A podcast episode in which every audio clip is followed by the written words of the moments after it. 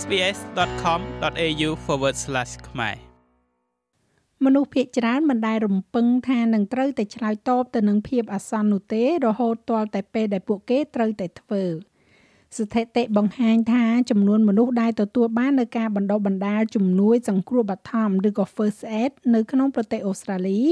មានការថយចុះគួរឲ្យកត់សម្គាល់ចំពោះឧបទ្ទហេតុនៃការរងរបួសដែលត្រូវការឆ្លើយតបជាបន្ទាន់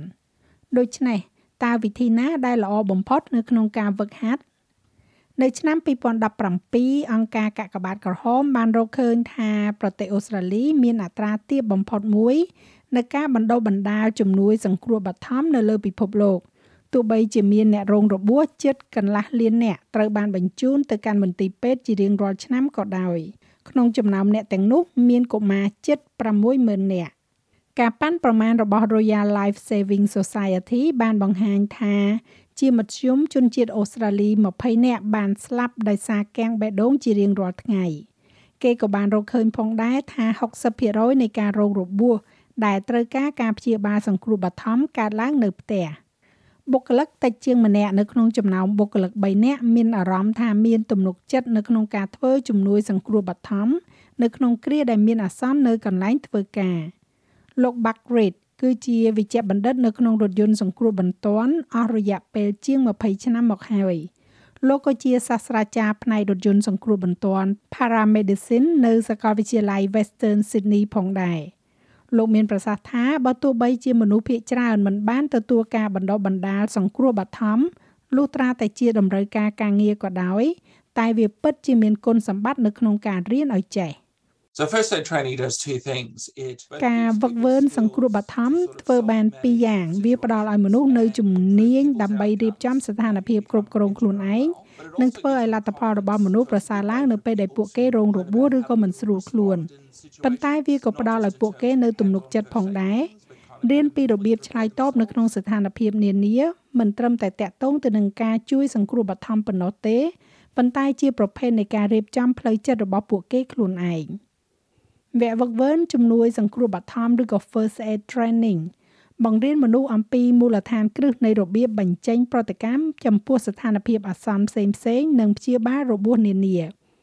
លោករីតមានប្រសាសន៍ថាគោលបំណងគឺដើម្បីផ្ដល់ឲ្យអ្នកដែលរងផលប៉ះពាល់នៅឱកាសកាន់តែច្រើននៃការប្រសើរឡើងឬក៏រស់រានមានជីវិត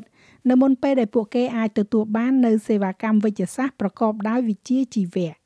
First aid training is focused on ការវឹកហាត់ជំនួយសង្គ្រោះបឋមគឺផ្ដោតទៅលើការជួយនៅមុនពេលជំនួយមកដល់និយាយបែបនេះមានន័យថានៅពេលដែលមនុស្សម្នាហៅទៅលេខ03ដងជាឧទាហរណ៍ អ្នកដែលទទួលទូរស័ព្ទរថយន្តសង្គ្រោះបន្ទាន់នឹងផ្ដល់ការណែនាំដល់ពួកគេតាមទូរស័ព្ទដើម្បីជួយដល់ពួកគេជាក់ស្ដែងនៅពេលដែលអ្នកកំពុងតែទូរស័ព្ទទៅកាន់លេខ03ដងដោយសារតែមានរឿងអ្វីមួយបានកើតឡើងនោះវាប្រហែលជាមិនមែនជាពេលវេលាដ៏ល្អនៅក្នុងការទទួលយកព័ត៌មានថ្មីថ្មីបានច្រើននោះទេមនុស្សដែលបានរៀបចំទុកជាមុនកាន់តែច្រើននោះវានឹងដំណើរការកាន់តែល្អ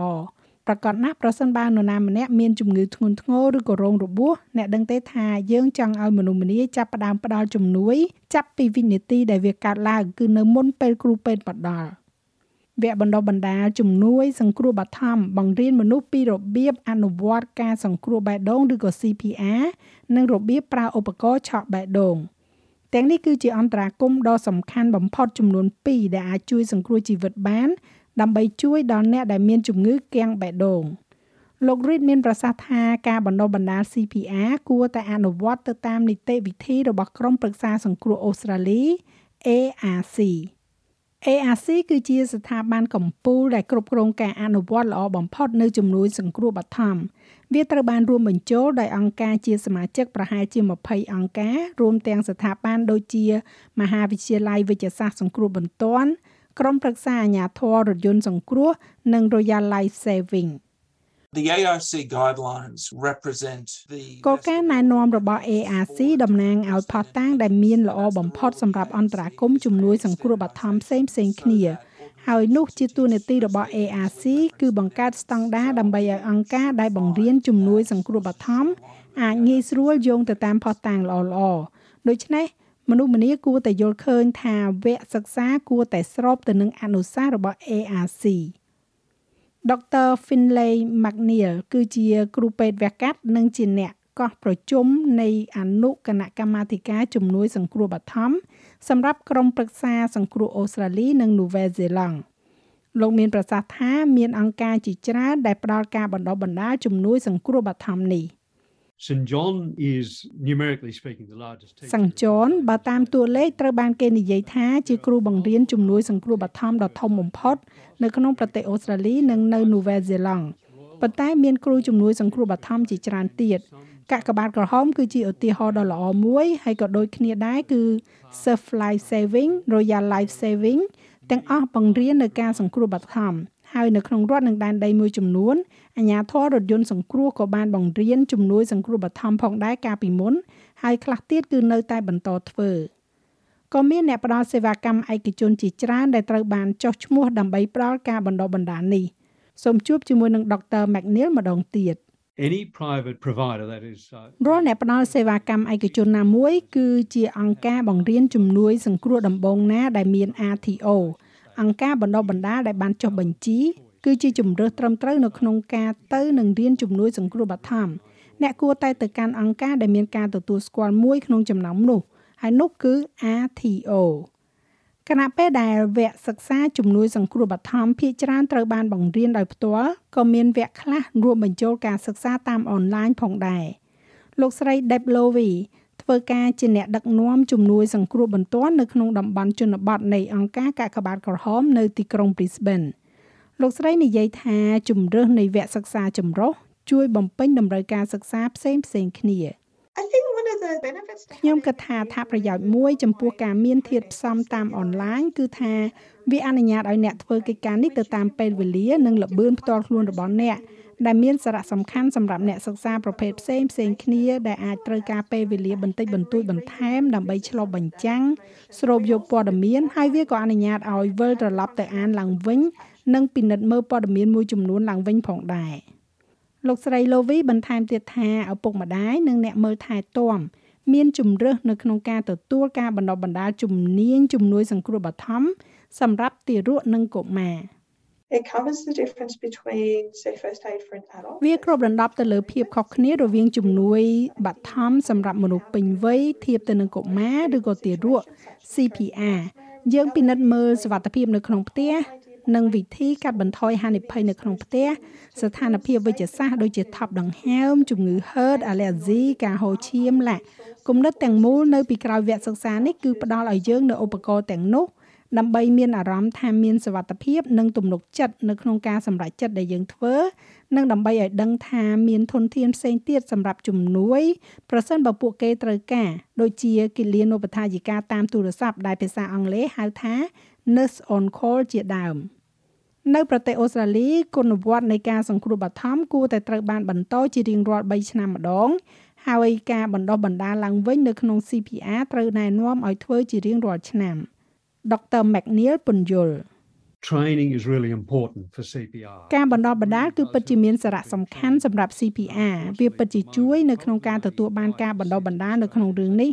ហើយជាអកុសលនៅពេលនេះប្រហែលជាមានតែ5%នៃជនជាតិអូស្ត្រាលីប៉ុណ្ណោះដែលមានវិញ្ញាបនបត្រជំនួយសង្គ្រោះបឋមដែលនៅមានបច្ចុប្បន្នភាពហើយសមត្ថភាពនៅក្នុងការធ្វើ CPR ពិតប្រាកដណាស់វាបាត់បង់ទៅតាមពេលវេលា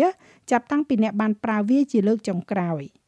វគ្គសិក្សាជំនួយសង្គ្រោះបឋមប្រែប្រួលទៅតាមពេលវេលាអ្នកខ្លះវឹកហាត់រយៈពេល2-3ម៉ោងទៅ2-3ថ្ងៃខ្លះមានការទទួលស្គាល់កម្រិតថ្នាក់ជាតិខ្លះទៀតអត់មានទេកន្លែងខ្លះសមរម្យសម្រាប់បរិយាកាសការិយាល័យនិងកន្លែងខ្លះទៀតសម្រាប់កន្លែងធ្វើការនៅទីវាលខាងក្រៅលោក Reid មានប្រសាសន៍ថាសិក្ខាកាមនិងកន្លែងធ្វើការត្រូវតែធានាថាវគ្គសិក្សាដែលពួកគេជ្រើសរើសគឺស័ក្តិសមទៅនឹងតម្រូវការរបស់ពួកគេ។ that means that they teach to a specific នោះមានន័យថាពួកគេបង្រៀនទៅតាមស្តង់ដារជាក់លាក់មួយដែលត្រូវបានគូសបញ្ជាក់សម្រាប់អ្វីក៏ដោយដែលវគ្គសិក្សានោះមានហើយមាន module first aid ផ្សេងផ្សេងគ្នាដែលនិយាយអំពីរឿងផ្សេងផ្សេងគ្នាដែលជារឿយៗជាផ្នែកនៃកញ្ចប់បណ្ដុះបណ្ដាលនៅកន្លែងធ្វើការដូច្នេះប្រសិនបើអ្នកកំពុងធ្វើវាសម្រាប់តម្រូវការមុនពេលចូលធ្វើការងារ វាគឺជារឿងសំខាន់នៅក្នុងការជ្រើសរើសវគ្គជំនួយសង្គ្រោះបឋមដែលត្រឹមត្រូវសម្រាប់កន្លែងធ្វើការងារនោះឬក៏សម្រាប់តម្រូវការនោះក្រៅពីវគ្គសិក្សាដែលមានការទទួលស្គាល់អង្គការមិនរកប្រាក់ចំណេញជាច្រើន អង្គការសហគមន៍និងសេវារថយន្តសង្គ្រោះក៏ផ្ដល់នូវការបណ្ដុះបណ្ដាលជំនួយសង្គ្រោះបឋមដោយឥតគិតថ្លៃផងដែរលោក Reid ណែនាំឲ្យរកមើលជំរើសផ្សេងៗដែលមាន There's a range of providers that people can look at and people មានអ្នកផ្ដល់សេវាកម្មជាច្រើនដែលអ្នកអាចរកមើលបានហើយអ្នកគួរតែពិនិត្យមើលការវាយតម្លៃរបស់អ្នកផ្ដល់សេវាកម្មឬរបៀបដែលវគ្គសិក្សាត្រូវបានរៀបចំឡើងអ្វីបែបនោះហើយអ្នកផ្ដល់សេវាកម្មធំធំភាគច្រើនជាទូទៅមានគុណភាពល្អណាស់ប៉ុន្តែក៏មានអ្នកផ្ដល់សេវាកម្មសហគមន៍ក្នុងតំបន់ជាច្រើនទៀតផងដែរដែលល្អខ្លាំងវាដូចជាការស៊ើបអង្កេតសេវាកម្មផ្សេងទៀតដែរ វាក៏សំខាន់ផងដែរសម្រាប់មនុស្សនៅក្នុងការជ្រើសរើសវគ្គសិក្សា ដែលសមស្របទៅនឹងតម្រូវការរបស់ពួកគេដូច្នេះប្រសិនបើពួកគេមានកូនតូចតូចនោះការធ្វើវគ្គសិក្សាដែលផ្ដោតទៅលើកុមារនឹងផ្ដល់ឲ្យពួកគេនៅព័ត៌មានជាក់លាក់ដែលពួកគេនឹងយល់ថាមានប្រយោជន៍ចាស់របាយការណ៍នេះចងក្រងឡើងដោយ Zoe Thomaido សម្រាប់ SPS និងប្រែសម្រួលសម្រាប់ការផ្សាយរបស់ SPS ខ្មែរដោយនាងខ្ញុំហៃសុផារ៉ានី ចូលចិត្តអ្វីដែលអ្នកស្ដាប់នេះទេ